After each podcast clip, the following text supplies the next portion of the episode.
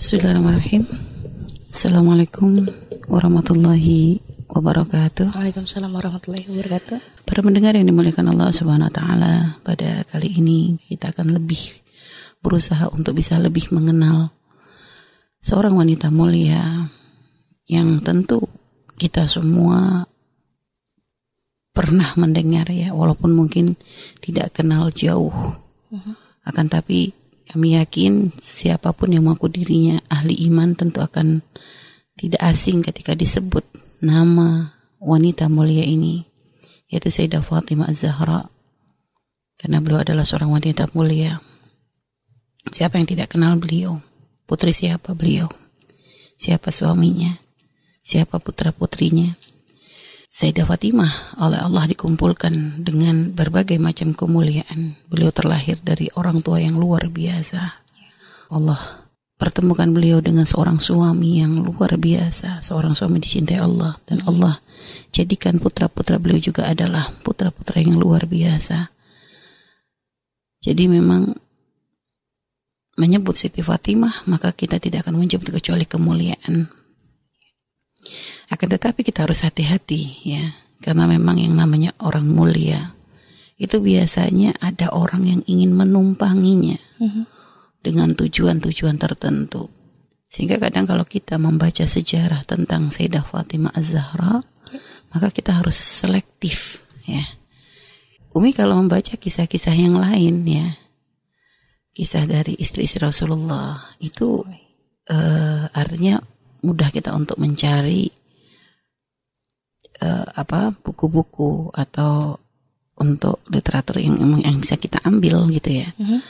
Akan tapi untuk Siti Fatimah nih harus hati-hati banget ya. Uh. Karena ada satu kelompok yang kayaknya mereka ingin menunjukkan bahwa mereka adalah pecinta Siti Fatimah, uh-huh. akan tapi sering di situ menghadirkan kisah-kisah yang tidak sesuai atau kisah-kisah palsu yang sebenarnya tidak ada pada kisah Sayyidah Fatimah Az-Zahra. Hmm. Jika di sini memang kita harus lebih selektif, lebih hati-hati. Karena kadang kelompok ini, ya ini kelompok yang sangat mengerikan juga gitu ya. Satu sisi ingin mengangkat Sayyidah Fatimah, tapi hmm. satu sisi merendahkan orang-orang mulia lainnya seperti Sayyidina Abu Bakar, Sayyidina Umar, Sayyidah Aisyah dan juga Sayyidah Hafsah. Jadi memang kita harus hati-hati. Kita adalah pecinta ahli bait, tapi kita juga pecinta sahabat Nabi Muhammad SAW. Kita tidak membeda-bedakan. Kita mencintai semua yang berhubungan dengan Rasulullah SAW. Bangsa Nabi pun kita cintai. Syariat Rasulullah harus kita cintai. Jadi semua yang berkaitan dengan Nabi itu gak bisa terlepas. Jangan sampai kita mengaku pecinta ahli bait, tapi kita membenci sahabat Nabi. Ini dusta. Hmm. Karena siapa pun yang mendampingi Nabi bukan hanya ahli bait yang bersama Rasulullah adalah sahabat-sahabatnya Rasulullah Shallallahu Alaihi Wasallam. Ini awal yang harus kami tanamkan, harus kami tekankan supaya kita tidak mudah terbawa. Ya, artinya jangan terkecoh dengan kisah-kisah yang membawa nama Sayyidah Fatimah, Sayyidah Fatimah, hmm. akan tapi ternyata di dalamnya disisipkan kisah-kisah yang menjadikan kita membenci yang lainnya. Hmm. Baik, Sayyidah Fatimah radhiyallahu taala anha ini adalah putri Rasulullah yang terakhir ya. Yeah. Uh, seperti yang kemarin kita sudah singgung tentang saudari-saudari beliau yaitu Sayyidah Zainab, lalu Sayyidah Ruqayyah, Sayyidah Ummi Kulsum dan yang terakhir adalah Sayyidah Fatimah radhiyallahu taala anha. Beliau terlahir itu bertepatan dengan peristiwa Wadu Hajarul Aswad ya, peletakan Hajar Aswad yang diletakkan oleh Rasulullah di saat Nabi Shallallahu Alaihi Wasallam dipilih untuk menjadi hakim, menjadi penengah di kalangan orang Quraisy yang saat itu hampir berselisih, bahkan hampir terjadi peperangan karena setelah mereka membangun Ka'bah, lalu setelah selesai pembangunan Ka'bah, mereka ingin mengembalikan Hajar Aswad di tempatnya. Mm -hmm. Dan semua yang membangun merasa punya hak untuk meletakkan Hajar Aswad di tempatnya merasa semuanya punya pangkat yang tinggi untuk bisa meletakkan hajar aswad di tempatnya mm-hmm. sehingga hampir terjadi per- peperangan di kalangan mereka sampai akhirnya Allah ya menitipkan ya kesadaran di hati sebagian orang merasa ini kita meletakkan membangun Ka'bah ya tujuannya mereka sebenarnya adalah tujuan untuk mempersatukan ya mm-hmm. tapi kenapa malah terjadi keributan akhirnya ada satu orang berikan usul bagaimana jika nanti uh, yang meletakkan Hajar Aswad adalah orang yang pertama kali masuk ke ke rumah Allah itu. Yakni ke apa ke tempat ke ke Ka'bah menuju Ka'bah. Orang pertama kali masuk menuju Ka'bah. Mhm. sampai akhirnya Allah pilihlah kekasihnya. Orang yang sangat Allah cintai. Dan memang oleh Allah diatur seperti itu. Sehingga akhirnya Nabi Muhammad SAW yang datang. Dan ketika melihat Nabi Muhammad orang kafir Quraisy tahu tidak mengenal Rasulullah kecuali kebaikan. Dikenal sebagai Al-Amin orang yang terpercaya orang yang baik yang tidak pernah ada celahnya. Sehingga begitu melihat Nabi Muhammad datang ya dari pintu masuk untuk memasuki Ka'bah maka saat itu eh, orang-orang langsung merasa lapang dada merasa sangat menerima. Mereka bersyukur artinya ya kok ternyata Muhammad yang masuk. Ah, pantas banget gitu. Sehingga akhirnya Rasulullah lah yang menjadi hakam dengan eh, menyuruh para kabilah ketua-ketua kabilah untuk eh, beliau melepas taraf apa melepas apa surban beliau ya. Lalu setiap kelompok kabilah tuh memegang taraf memegang apa pucuk dari surban beliau ya Lalu setelah itu Said Nabi Muhammad yang meletakkan hajar aswad di surban tersebut. Setelah itu, setelah surban terus lalu diangkat bersama-sama ke menuju Ka'bah. Lalu Nabi Muhammad kembali yang memasangkannya di Ka'bah. Ini cara Allah untuk mengatur, artinya Allah memberikan mukotimah baik. Dan ternyata subhanallah, peristiwa sempurnanya pemugaran Baitullah. Ini ternyata berbarengan dengan waktu kelahirannya putri Rasulullah Shallallahu Alaihi Wasallam, Sayyidah Fatimah Az-Zahra, yang nantinya akan menjadi ummu ahlil bait. Jadi kalau ini sebagai kalau dikatakan oleh sebagian penulis ini latifah jamilah. Jadi kayak kebetulan yang indah yang oleh Allah diatur bahwasanya sempurnanya pemugaran Baitullah berbarengan dengan terlahirnya ummu ahlil bait. Tradisi Arab ya, tradisi Arab ketika mereka mendengar bahwasanya istri mereka melahirkan seorang anak perempuan itu akan menjadikan mereka tuh marah. Ya tawara min su'i ma busyira bih. Ya. Mereka tuh nggak terima dengan apa yang diberitakan. Sehingga mereka memilih eh akan akankah dibiarkan hidup nih anak perempuan tapi akan bawa kehinaan. Am yadusuhu fit turab ya ataukah akan dipendam di dalam bumi? Ini diceritakan di dalam Al-Qur'an ya. Bagaimana orang-orang orang-orang kafir Quraisy orang-orang jahiliyah pada waktu itu ketika Dhulla wajhu muswaddan itu ya. Jadi mereka kalau dengar kabar terlahirnya seorang anak perempuan, dhulla wajhu muswaddan ya. Jadi wajah mereka tuh langsung hitam, mereka merasa malu ya karena berita itu dianggap berita hina. Akan tapi tidak dengan Nabi Muhammad Shallallahu alaihi wasallam. Nabi selalu senang dengan kelahiran putra-putri beliau padahal padahal waktu itu beliau Nabi belum menjadi nabi. Nabi belum dipilih menjadi nabi. Jadi tapi Nabi sudah memang dengan akhlak Rasulullah dan keluarganya memang bertentangan dengan tradisi jahiliyah. Sehingga Nabi mendengar berita-berita kelahiran putri-putri beliau menyambut dengan gembira. Terutama kelahiran putri beliau yaitu yang terakhir ini adalah Sayyidah Fatimah. Nabi memang merasakan kebahagiaan yang sangat luar biasa Ya, bahkan Sayyidah Khadijah sendiri merasa senang dikarenakan lahirnya putri yang terakhir ini ternyata sangat mirip dengan Rasulullah Shallallahu Alaihi Wasallam. Sehingga cinta Sayyidah Khadijah kepada Rasulullah menjadikan beliau tuh sangat mencintai Sayyidah Fatimah karena miripnya dengan Rasulullah Shallallahu Alaihi Wasallam. Sehingga tradisi Arab saat itu pun ya bahkan Sayyidah Khadijah juga di anak-anak yang sebelumnya begitu terlahir rata-rata anak itu akan diberikan ibu susuan.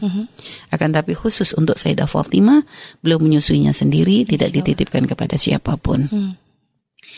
Karena beliau melihat bahwasanya Nabi itu kelihatan banget sayangnya gitu ya melihat Sayyidah Fatimah ini itu memang rasa yang Allah titipkan di hati Rasulullah Shallallahu alaihi wasallam.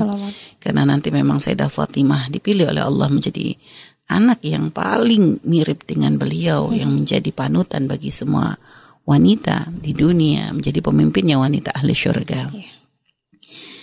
Dan memang ada riwayat yang di situ menceritakan bahwasanya ketika Sayyidah Khadijah hamil Sayyidah Fatimah itu sebelumnya Rasulullah mendapatkan buah apel dari malaikat Jibril ya yang ketika Nabi memakannya lalu setelah itu Nabi menggauli Sayyidah Khadijah lalu terlahirlah Sayyidah Fatimah hmm. sehingga Nabi ketika mencium Sayyidah Fatimah mencium bau surga itu riwayat yang kalau kita lihat bertentangan dengan waktu kelahiran Sayyidah Fatimah radhiyallahu taala anha. Hmm. Kalau memang Nabi sudah mengenal malaikat Jibril, tentunya Nabi sudah diangkat menjadi Nabi. Yeah. Sedangkan peristiwa kelahiran Sayyidah Fatimah ini adalah lima tahun qoblal bi'thah. Uh-huh. Lima tahun sebelum kenabiannya Nabi Muhammad, sebelum Nabi diangkat menjadi menjadi Nabi. Sehingga Nabi belum kenal malaikat Jibril. Nabi belum tahu tentang malaikat Jibril sehingga riwayat ini makanya riwayat ini pun bisa saja datangnya adalah dari kelompok yang ya itu tadi yang kami kan mengagung-agungkan Siti Fatimah tapi yeah. nanti merendahkan sahabat itu. Yeah. Artinya makanya memang benar-benar harus selektif. Mm -hmm. Ada lagi yang mengatakan bahwasanya uh, peristiwa kelahiran Sayyidah Fatimah ini adalah waktu Isra Mi'raj Rasulullah diberi kurma ya. Hmm. Ada mengatakan kurma, ada mengatakan tufah, tufah itu apel ya. Hmm. Lalu ketika itu Nabi memakannya setelah pulang lalu menggauli Sayyidah Sayyidah Khadijah lalu terakhirlah Sayyidah Fatimah. Ini lebih lucu lagi. Karena nggak ketemu waktunya. Kapan Isra Mi'raj? Isra Mi'raj itu terjadinya kapan? Hmm. Itu terjadinya Isra Mi'raj terjadinya setelah Sayyidah Khadijah wafat. Yeah. Jadi judulnya jadi nggak ketemu. Ada sebagian kita pernah membaca buku ya yang ya itu tadi apa ya tanakut kalau kita lihat tuh kayak bertentangan satu kisah dengan kisah yang lainnya. Mm -hmm. Di situ di awal menceritakan bahwasanya Sayyidah Sayyidah Fatimah terlahir lima tahun sebelum Nabi diangkat menjadi Nabi hmm. di usia Nabi 35 tahun. Tapi satu sisi menceritakan bahwasanya Rasulullah mendapatkan buah dari malaikat Jibril pada waktu Isra dan Mi'raj hmm. lalu menggauli Sayyidah Khadijah. Ini peristiwanya nggak ketemu semua. Jadi ada tanakut di situ. Makanya kita eh, kadang memang ya siapa sih yang nggak terpesona mendengar kisah ini? Mm-hmm. Nabi makan, lalu subhanallah ketika mencium Sayyidah Fatimah tercium bau surga. Yeah. Indah banget gitu ya. Kalau mendengarnya indah banget gitu. Mm-hmm. Tapi kita pun nggak bisa asal kisah indah. Uh, lalu kita ceritakan juga yeah. gitu ya. Artinya harus kita selektif. Sama juga seperti kisah kami pernah membaca kisah bagaimana pada waktu Siti Fatimah uh, ketika ini buku ini kita baca dan kita bingung juga gimana nggak ketemu judulnya gitu ya. Artinya waktunya ini nggak nggak nggak nggak ketemu. E, mungkin pernah juga di share ya bagaimana ada kisah bahwa Sayyidah Fatimah itu e, apa namanya Sayyidah Fatimah pada pernah waktu itu Sayyidah Khadijah ketika Rasulullah pulang berdakwah dalam dalam kondisi orang-orang kafir Quraisy itu berbuat dolim mm-hmm. sehingga menjadikan kehidupan keluarga Nabi itu benar-benar dari yang paling kayanya ya bahkan Sayyidah Khadijah kan memang dikenal paling kayanya wanita pada waktu itu bahkan dikatakan kalau dikumpulkan semua hartanya orang Quraisy tidak bisa menandingi kekayaannya Sayyidah Khadijah mm-hmm. ya mhm. sampai derajat bahwa Sayyidah Khadijah ketika menyusui Sayyidah Fatimah mm-hmm. pada waktu Nabi ya merasakan uh, tekanan dari orang-orang kafir Quraisy begitu Nabi masuk melihat Sayyidah Sayyidah Khadijah menyusui Sayyidah Fatimah itu mm-hmm. tidak ada yang keluar kecuali darah. Yeah. Nah, ini mungkin pernah ya. Yeah, Nadia juga yeah, pernah yeah. dengar kisah mm-hmm. inilah. Bagus banget ya kisah iya. ini. Bagus banget kita kita kita pun mendengar itu pengen nangis rasanya. Yeah. Mm-hmm. Uh, tapi nggak ketemu waktunya. Karena kalau memang Sayyidah Fatimah terlahir lima tahun sebelum Bi'thah, uh-huh. berarti pada waktu Nabi diangkat menjadi Nabi sudah umur lima tahun. Nggak yeah. mungkin masih nyusu. Nggak mungkin masih menyusu di usia seperti itu. Belum uh-huh. lagi Nabi pun berdakwah terang-terangan itu tiga tahun setelah Bi'thah. Yeah. Sampai tiga tahun. Uh-huh. Berarti kan pada waktu Nabi mulai terang-terangan usia Sayyidah Fatimah ini diperkirakan kurang lebihnya 8, 8 tahun. Iya. tujuh 7 8 tahun. Uh-huh. Gimana mau menyusu uh-huh. di usia seperti itu. Jadi nggak ketemu judulnya. Uh-huh. Dan tentu kehidupan Sayyidah Khadijah sebelum Nabi diangkat menjadi nabi, yeah. bahkan sampai ketika Nabi masih berdakwah secara terang-terangan uh-huh. masih layak. Yeah. Masih sangat makmur, masih sangat kaya raya. Uh-huh. Jadi masih belum merasakan masa berat itu gitu lah. Uh-huh. Yeah. Jadi jadi makanya berita ini ini yang kami ingin luruskan supaya kita tidak salah dalam memilah dan memilih kisah-kisah. Ya jangan sampai kita terpesona tapi akhirnya kita melewati ininya gitu loh. Maksudnya rentetan yang lainnya gitu ya. Mhm. baik. Jadi itu. Uh, dan subhanallah gitu ya. Sayyidah Fatimah radhiyallahu taala anha seorang wanita yang memang mempunyai fadail keutamaan yang luar biasa. Nabi banyak menyebut keutamaannya beliau itu ya sebelum nanti kita masuk kepada kisah ya kita kita kenal dulu keutamaannya beliau. Mm-hmm. Keutamaannya beliau tuh disebutkan oleh Rasulullah SAW ya. Nabi bersabda dari uh, Anil Mansur an Muhrim anna Rasulullah sallallahu alaihi wasallam qala bahwasanya Nabi bersabda Fatimah bid'atun minni faman aghdabaha aghdabani Sayyidah Fatimah itu adalah bagian dariku kata Nabi. Barang siapa yang membuatnya marah maka akan menjadikan aku marah.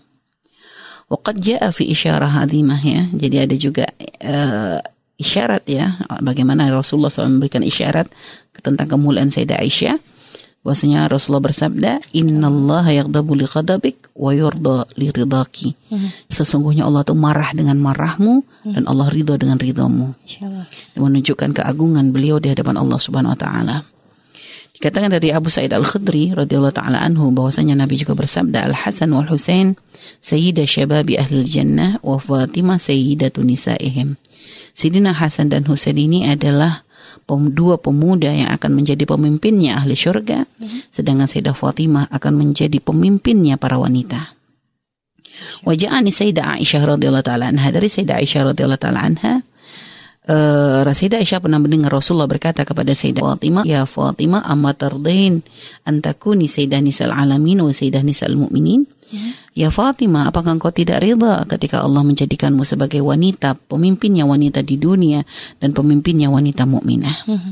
Lalu dari riwayat dari Sayyidah Aisyah lagi, ya bahwasanya Rasulullah SAW bersabda, Inna malakan minas sama lam yakun zahrani, fasta'dhan Allah fi ziyarati fabasharani, wa akhbarani anna Fatimah sayyidatu nisa'i ummati. Sesungguhnya kata Nabi, malakan minas sama, malaikat langit ya, itu nggak pernah menziarahiku. Ya. Lalu suatu hari malaikat izin kepada Allah swt untuk menziarahi Nabi Muhammad SAW. Wabasyarani lalu memberikan kabar gembira kepadaku, au akhbarani dan beritahu kepadaku, anna Fatimah, bahwasanya Sayyidah Fatimah, Sayyidatu Nisa'i ummati akan menjadi pemimpinnya wanita di umatku. Masya dan subhanallah, kasih sayang Allah kepada kita umat Nabi Muhammad sallallahu alaihi wasallam.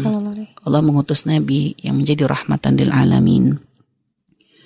Nabi yang diisyaratkan oleh Rasulullah dengan segala kebaikan dan kemuliaan. Laqad ja'akum rasulun min anfusikum azizun alaihi ma'anittum harisun alaikum bil mu'minina raufur rahim. Hmm.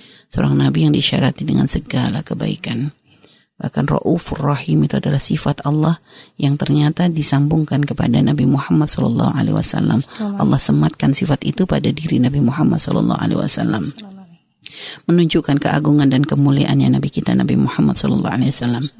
Dan tidak hanya itu, ternyata cinta uh, keutamaan umat Nabi Muhammad ya, kemuliaan rahmat yang Allah berikan kepada umat Nabi Muhammad tidak hanya dengan diutusnya Nabi yang mulia, uh-huh. bahkan Allah jadikan juga keluarga Nabi itu menjadi panutan bagi kita. Sahabat-sahabat Nabi menjadi panutan bagi kita. Sehingga ketika kita seorang wanita merasa mungkin uh, gimana kita mengikuti Nabi secara sempurna? Kita wanita misalnya. Mungkin merasa kalau wanita mungkin nggak bisa dong sama kayak laki-laki. Hmm. tapi ternyata Allah kirimkan bagi kita para ibunda-ibunda yang solehah. Dan bahkan lebih dari itu Allah jadikan juga istri putri dari Sayyid Rasulullah Sallallahu Alaihi Wasallam itu benar-benar menjadi wanita yang paling mirip dengan Rasulullah Sallallahu Alaihi Wasallam dalam segala perilakunya. Ya. Sehingga ini tujuannya adalah untuk menolong umat ya bahwa agar para wanita pun ternyata uh, dengan mengikuti Sayyidah Fatimah maka sama seperti kita mengikuti Rasulullah Sallallahu Alaihi Wasallam. Jadi gitu karena dikatakan tidak ada orang yang lebih mirip dengan Rasulullah itu melebihi dari Sayyidah Fatimah. Hmm. Nah ini ini adalah keutamaan dari Sayyidah di antara keutamaan Sayyidah Fatimah dan masih banyak lagi ya. Ini hanya sebagian besar saja yang kami sebutkan dan nanti sambil berjalannya waktu kita membahas tentang Sayyidah Fatimah nanti kita akan menemukan banyak lagi keutamaan-keutamaan yang Allah berikan kepada beliau.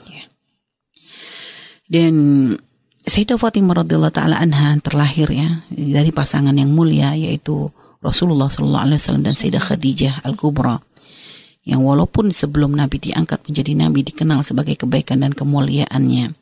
Jadi beliau terlahir dari keluarga yang subhanallah di Mekah itu terkenal sebagai syarafan wa karaman wa ifwatan wa rifatan ya. Jadi Sayyidah uh, Sayyidah Khadijah itu Sayyidah Nisa Mekah. Dikatakan ya pemimpinnya wanita ahli Makkah saat itu yang dikenal dengan syarafan ya dengan ke keagungan kemuliaannya. Wa karaman kedermawanannya. Wa ifatan masalah menjaganya menjaga kehormatannya. Wa rifatan dan pangkatnya yang tinggi ya. Jadi memang kalau dibaratkan Sayyidah Khadijah itu paket komplit ketemu dengan Nabi yang paket komplit ya. Hmm. sehingga sangat wajar terciptalah terlahirlah dari hubungan dua orang mulia ini hmm. yaitu seorang wanita yang luar biasa yang dicintai oleh bukan hanya oleh makhluk bumi akan tapi juga oleh makhluk langit dan juga dicintai oleh Allah Subhanahu wa taala. Yeah. Sayyidah Fatimah ya kami katakan tadi bahwasanya beliau terlahir lima tahun ya sebelum Nabi Muhammad diangkat menjadi nabi dan ini seakan-akan memang sudah diatur oleh Allah karena memang perjalanan hidup Nabi itu benar-benar diatur dengan sangat-sangat sempurna oleh Allah Subhanahu taala. Mhm. Bahkan untuk siapa pun berkaitan dengan Nabi pun diatur seperti itu. Jadi terlahirnya Sayyidah Fatimah lima tahun sebelum Nabi diangkat menjadi nabi ini ada banyak hikmah di situ. Hmm. Karena di situ Allah ingin memberikan uh, apa memberikan pendidikan kepada Sayyidah Fatimah sehingga ibaratnya Sayyidah Fatimah tuh benar-benar tahu perjalanan dakwah Nabi mm-hmm. itu dengan secara sempurna. Yeah. Dari mulai ketika Nabi, karena lima tahun tuh sudah mulai paham. Mm-hmm. Lima tahun tuh sudah mulai bisa mengerti, sudah mulai bisa menangkap. Artinya, jadi dari usia yang paling kecil lima tahun, masih dalam keadaan bersih, yeah. belum terkotori apa pun mm-hmm. ya akan tapi sudah mulai bisa menangkap apa yang terjadi. Mm-hmm. Jadi benar-benar Allah tuh ingin mendidik Sayyidah Fatimah itu uh, beliau tuh sudah mengetahui tentang perjalanan sejarah dakwahnya Rasulullah tuh so. dari nol mm-hmm. sampai akhir. Yeah. Sehingga beliau lahir sebelum Nabi diutus menjadi nabi mm-hmm. dan beliau wafat setelah Nabi wafat kan begitu. Yeah. Jadi sempurna banget. Mm-hmm. Jadi kalau orang yang memang benar-benar tahu perjalanan ini ya Sayyidah Fatimah inilah yeah. yang tahu bagaimana beratnya Nabi dalam berdakwah, mm-hmm beratnya Nabi dalam berjuang perjalanan hidup uh, yang dilalui oleh Rasulullah dan juga ibundanya ini Sayyidah Fatimah ini benar-benar melihat itu semua. Dan ketika Rasulullah Shallallahu Alaihi Wasallam diangkat menjadi nabi, Sayyidah Fatimah melihat bagaimana ibundanya, saudari-saudarinya, ya semuanya menyambut hal itu dengan terbuka karena memang Nabi benar-benar mahbub ya indah ahli sangat dicintai di kalangan keluarganya hmm. sehingga apa pun yang disampaikan Nabi diyakini adalah sebagai suatu kebenaran sehingga uh, Sayyidah Khadijah menjadi orang yang pertama kali beriman diikuti oleh putri-putri beliau hmm. bahkan Sayyidah Fatimah kecil pun saat itu pun ya mengagumi ayahnya sangat mencintai ayahnya hmm. dan beliau tuh mengetahui bahwa ini ada sesuatu yang berbeda di sini beliau melihat itu semuanya dan beliau juga merasakan kekhawatiran ibundanya setelah Nabi diangkat menjadi Nabi, ibundanya tahu karena memang sudah diisyaratkan uh, oleh Waraka ibn Naufal bahwa nanti siapa pun yang menerima wahyu dari An-Namus ya dari Jibril uh-huh. waktu itu dalam kisah Sayyidah Khadijah sudah pernah kita ceritakan uh-huh. ya bagaimana Waraka ibn Naufal sepupu dari Sayyidah Khadijah ya uh-huh. ketika mendengar berita tentang Nabi beliau mengatakan uh, tidak ada siapa pun yang mendapatkan wahyu dari An-Namus itu yang di, mendapatkan dari malaikat Jibril ini mm-hmm. kecuali akan diusir dari dari kaum, dari kaumnya, akan yeah. dimusuhi oleh kaumnya. Mm-hmm. Dan Sayyidah Khadijah pun mendengar ini beliau sudah paham bahwa beliau harus menjadi orang yang paling kuat ya menjadi pendamping Nabi hmm. uh, untuk bisa melewati ini semua dan Sayyidah Fatimah ya walaupun di masa kecilnya beliau tuh menangkap akan hal itu hmm menangkap tanggung jawab berat yang harus dipikul oleh ayahnya, menangkap uh, tanggung jawab berat yang harus dipikul oleh ibundanya. Bahwa sekarang ibundanya bukan hanya sebagai seorang istri saja, hmm. akan tapi sebagai seorang istrinya Nabi yang harus bisa mendampingi Rasulullah dalam keadaan susah, dalam keadaan senang dan fungsi beliau bukan hanya sekadar istri, ibu, gak nggak cukup, akan tapi menjadi seorang istri dari seorang nabi ini hmm. punya tanggung jawab yang luar biasa. Beliau harus siap dengan segala ujian, cobaan yang akan datang menerpa. Hmm. Dan Sayyidah Fatimah tuh melihat itu semua, sehingga dari kecil ya. Karena memang hidup dalam lingkungan yang seperti itu memang menjadikan Sayyidah Fatimah ini kemuliaannya tuh sudah terbentuk sedini mungkin. Hmm kalau kita, mungkin zaman sekarang ini kita ini anak-anak kecil kita di usia-usia seperti itu ya kerjaannya masih main. Akan tapi tidak Sayyidah Fatimah dari mulai usia lima tahun dia sudah harus melihat sesuatu perkara yang luar biasa besar. Hmm. rumahnya menjadi pusat ibaratnya menjadi rujukan dari umat saat itu kan dengan dengan ayah yang menjadi apa turunnya wahyu hmm. itu turun ke ke rumah maksudnya kepada Rasulullah Shallallahu Alaihi Wasallam sehingga kemuliaan beliau ini sudah mulai terbentuk sifat-sifat mulia sifat-sifat yang memang ada pada diri orang tuanya itu diserap semuanya oleh Sayyidah Fatimah radhiyallahu taala anha. Inilah menjadikan beliau itu istimewa.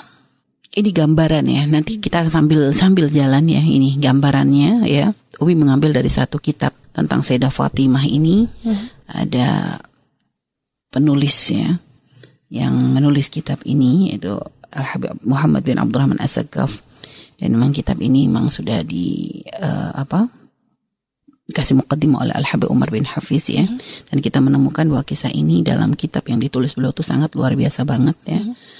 uh, kitabnya begitu indah menceritakan tentang Sayyidah Fatimah Az-Zahra itu dengan cara yang begitu menarik begitu ya. Mm -hmm. Dan juga ya sesuai dengan kenyataannya. Jadi tidak mendatangkan kisah-kisah yang aneh-aneh ya. Jadi memang benar-benar mm -hmm dan di sini nanti akan ada berurutan. Jadi kita tuh diajak memang mengenal Sayyidah Fatimah tuh secara ini dan nanti kita sekarang mencoba mengetahui tentang lakop-lakopnya beliau dulu yeah. ya. Lakop-lakopnya beliau dulu. Sayyidah Fatimah lakopnya banyak banget ya. Sebagaimana mungkin ya para sahabat semua sedang mendengar gitu. Sayyidah Fatimah yang paling terkenal lakopnya adalah Az-Zahra ya. Az-Zahra ini Zahra itu kayak cemerlang. -huh Maknanya itu adalah cemerlang. Sampai dikatakan kenapa beliau diberi lakop Az-Zahra ini wakila annaha kanat tazhar li ahli sama kama tazharun nujum li ahli al-ard. Jadi kayak gambarannya itu disebut Zahra itu dikarenakan beliau itu tenawar yaitu menerangi ahli sama hmm. ya. Cahaya beliau itu menerangi ahli sama sebagaimana bintang gemintang itu menerangi ahli bumi. Jadi gitu. Jadi cahaya beliau tuh ya itu begitu gemilang gitu ya, begitu indah. Dan Sumit kadalik bil batul, beliau juga punya nama lain yaitu gelar lain yaitu al batul dikarenakan mungkati afil ibadah. Jadi beliau itu oleh Allah diputus dari segala urusan dunia, uh-huh. hanya kayak difokuskan hanya untuk beribadah kepada Allah Subhanahu wa taala. Jadi orang yang sangat gemar beribadah sampai hatinya tuh sama sekali tidak terikat dengan dunia. Makanya disebut dengan al-batul. Ada riwayat yang mengatakan bahwasanya beliau adalah seorang wanita yang diberikan karomah ya kemuliaan tidak pernah haid gak pernah nifas ya akan tetapi ternyata uh, ini pun riwayat ditentang juga oleh beberapa yang lain hmm. karena beliau adalah tetap wanita normal ya wanita normal biasa akan tetapi uh, ini memang ini bukan kami ya yang menentang. Ini memang ada dari ulama mengatakan ini riwayat nggak benar. Mm -hmm. Ada mengatakan seperti itu. Yeah. Makanya tadi memang banyak riwayat begini-begini ya. Tapi pun kalau misalnya ternyata enggak pun ya bukan suatu yang aneh juga karena mungkin saja Allah memberikan ini khusus kekhususan kepada beliau bisa saja. Yeah. Uh, jadi tidak sampai bertentangan dengan dengan kisah yang lainnya gitu ya. Mungkin karena memang dikenal beliau adalah seorang wanita uh, hanya sebagian Pak Arisiro mengatakan kalau sampai Sayyidah Fatimah adalah wanita yang nggak pernah haid berarti ini bukan dianggap sebagai wanita yang sempurna mm-hmm. gitu karena memang haid itu bukan aib yeah. haid itu bukan kekurangan haid, haid, haid itu adalah sunnatullah yang Allah berikan bagi para wanita mm-hmm. nah di sini ada tanah ada ada perbedaan ya Nah, kita nggak usah mempusingkan. Yang jelas beliau ahli ibadah. Hmm. Beliau adalah orang yang sangat senang beribadah, orang yang selalu sambung hatinya dengan Allah Subhanahu wa taala. Dan juga ada banyak nama-nama beliau ya. Nama lainnya adalah As-Siddiqah. Karena beliau adalah seorang yang jujur. Tidak pernah berkata dusta. Satu kali pun gak pernah berkata dusta. Jadi tidak pernah ada kalimat yang tidak baik yang terucap dari mulut beliau. Hmm. Al-Mubarakah. Karena memang beliau adalah membawa keberkahan bagi siapa pun. At-Tahirah. Seorang wanita yang suci. Yang dijaga oleh Allah Subhanahu Wa Taala. Ya, dan juga anak keturunannya. Jadi ini memang sudah uh, apa dijelaskan dalam Al-Quran tentang keutamaannya tentang Sayyidah Fatimah, Sayyidah Fatimah mm-hmm. Az-Zakiyah ya suci bersih zakiyah zaki ya dan uh, ar-radiyah wal mardiyah yaitu orang yang diridhoi oleh Allah Subhanahu wa taala dan juga beliau diberikan kunyah itu bi ummi abiha yeah. jadi ini gelar juga yang sangat terkenal mm. yang ditempelkan pada beliau adalah ummu abiha ibu dari ayahnya mm. ya kenapa kok diberi nama gelar seperti itu dikarenakan uh, Nabi Muhammad SAW setelah wafatnya Sayyidah Khadijah maka yang berdiri ya yang giat untuk berkhidmah kepada ayahandanya itu dari kecil dari dari usia kecil. Ya karena kalau diperkirakan beliau itu ditinggal oleh Sayyidah Khadijah itu di usia uh, belasan ya kurang lebihnya ya kalau diperkirakan ya, kita cara memperkirakan melihat waktu beliau lahir lima tahun sebelum kenabian. ya dan Nabi berdakwah di kota Makkah itu 13 tahun mm-hmm. ya dan Sayyidah Khadijah wafat itu diperkirakan di tahun 10 atau 11 mm-hmm. setelah Nabi diangkat menjadi Nabi mm-hmm. sebelum hijrah tiga tahun berarti kurang lebih tiga tahun sebelum hijrah mm-hmm. berarti kalau diperkirakan usia seperti itu Sayyidah Khadijah Sayyidah Fatimah di usia 15 tahun ya. ya. Akan tetapi memang dari masa dari sebelum ibundanya wafat ini memang Sayyidah Fatimah ini adalah orang yang paling paling berani, paling paling menjaga, paling perhatian kepada ayahnya.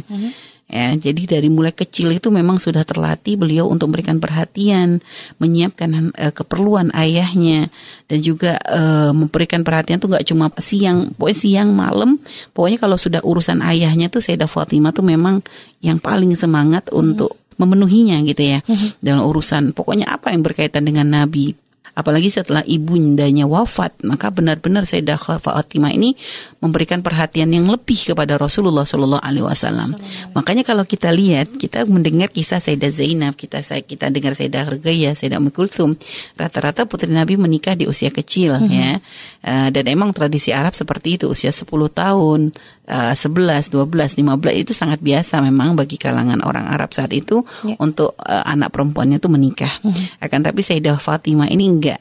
Sayyidah Fatimah ini menikahnya di antara saudaranya paling terlambat. Hmm. Jadi bahkan beliau tuh menikah di usia 18 tahun. Hmm. Padahal istri-istri Rasulullah sendiri pun yang menikah dengan Nabi di usia 18 tahun rata-rata sudah menikah ada yang lebih dari satu kan hmm. begitu. Hmm. Jadi rata-rata sudah menikah semua istri Nabi sudah menikah sebelumnya ya. dan makanya usianya 18 tahun tuh sudah ini dengan Nabi pernikahan yang kedua. Ya. Tapi Sayyidah Fatimah enggak. Kenapa? Yaitu tadi kesibukannya untuk merawat ayahnya hmm. menjadikan beliau sama sekali tidak ada keinginan ya untuk berpikir seperti itu hmm. dan juga mau kondisi yang saat itu dengan lagi susah berat-beratnya dalam dakwah hmm. menjadikan ya uh, beliau tidak berpikir untuk kepentingan pribadinya saat hmm. itu. Yeah.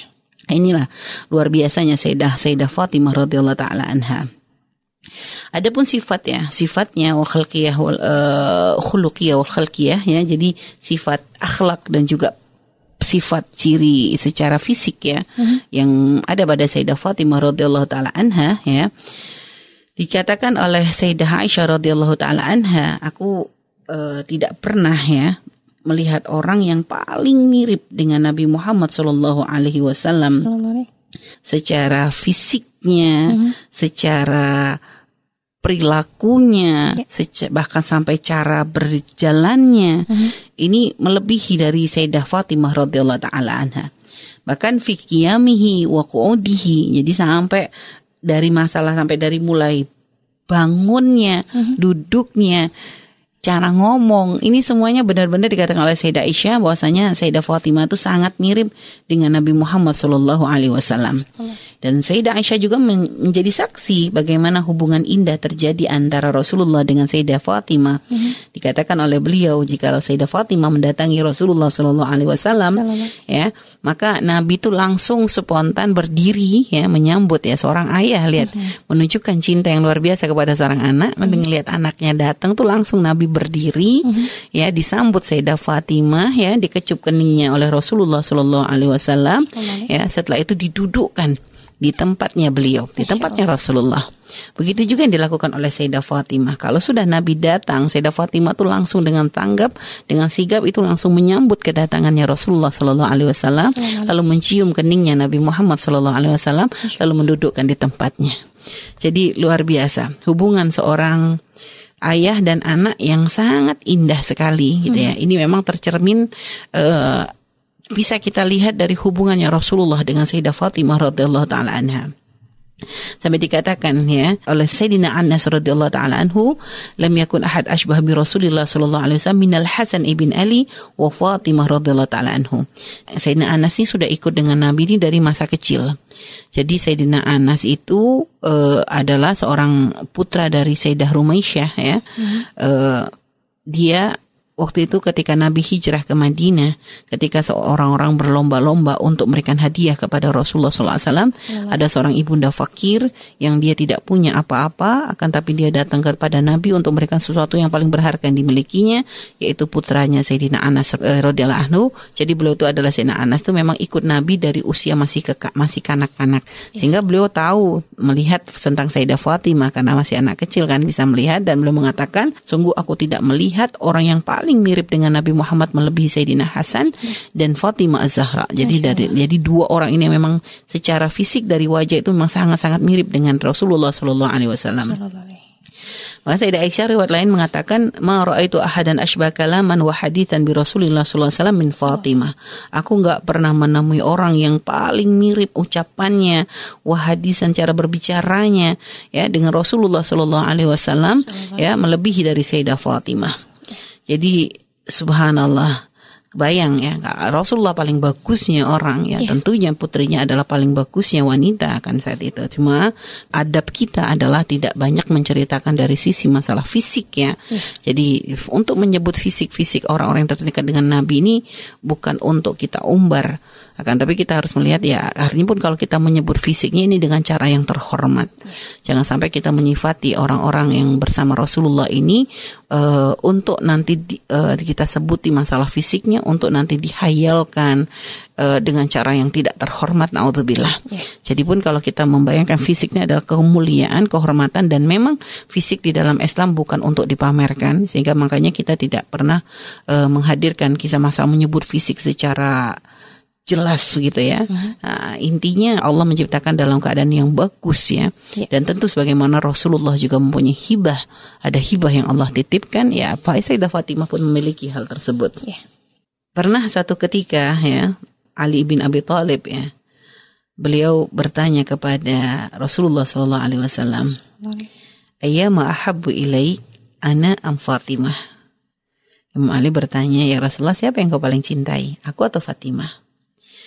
Maka Nabi menjawab, Fatimah ahabu ilayyamin.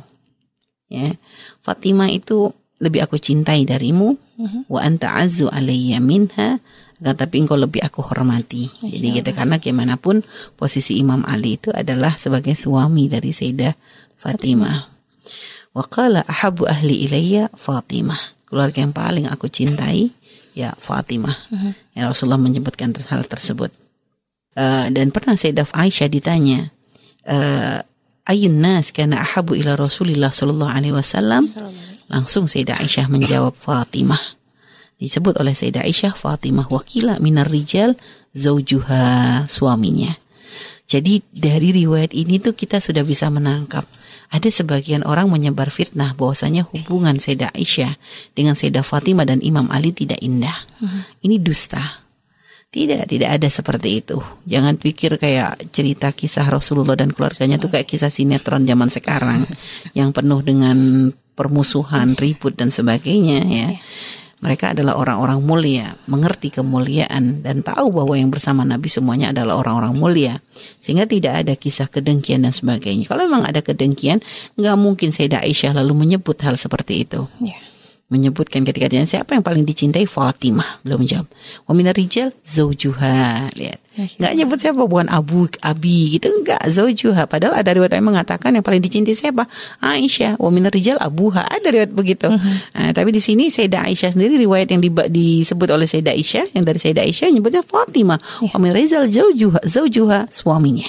Ya menunjukkan bahwa ada hubungan indah di antara mereka. Mereka semua mengakui keutamaan satu sama lain. Yeah. jadi itu sampai ada riwayat Rasulullah Shallallahu Alaihi Wasallam ya. Rasulullah SAW bersabda Fatimah bid'atun minni. Uh, Fatimah itu adalah bagian dariku kata Rasulullah SAW yakbiduni ma yakbiduha wa yabsituni ma yabsituha. Jadi ya ya kabat itu kayak mengikat memberat ya ber- menyulitkanku.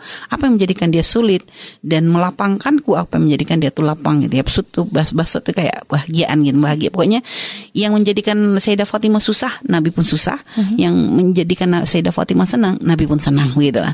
Jadi menunjukkan be- begitu cintanya Rasulullah Shallallahu Alaihi Wasallam kepada Sayyidah Fatimah radhiyallahu taala anha. Baik ini gambaran ya gambaran tentang Sayyidah Fatimah di awal dan nanti insya Allah kita nanti akan terus akan melanjutkan pembahasan ya tentang bagaimana kehidupan kecil beliau bersama Rasulullah Shallallahu Alaihi Wasallam sampai nanti eh, ketika beliau akhirnya menikah ya dan nanti juga dengan putra putri beliau Ya. dan memang sepertinya untuk Sayyidah Fatimah tidak bisa dengan satu Sekali satu pertemuan. pertemuan, Ya ya, Allah, ya. kita harus buat sam- bersambung sama seperti Sayyidah Aisyah Ya. karena ada banyak kisah tentang beliau yang sangat sayang kalau kita lewati Ya, baik. baik ini saja Allah alam so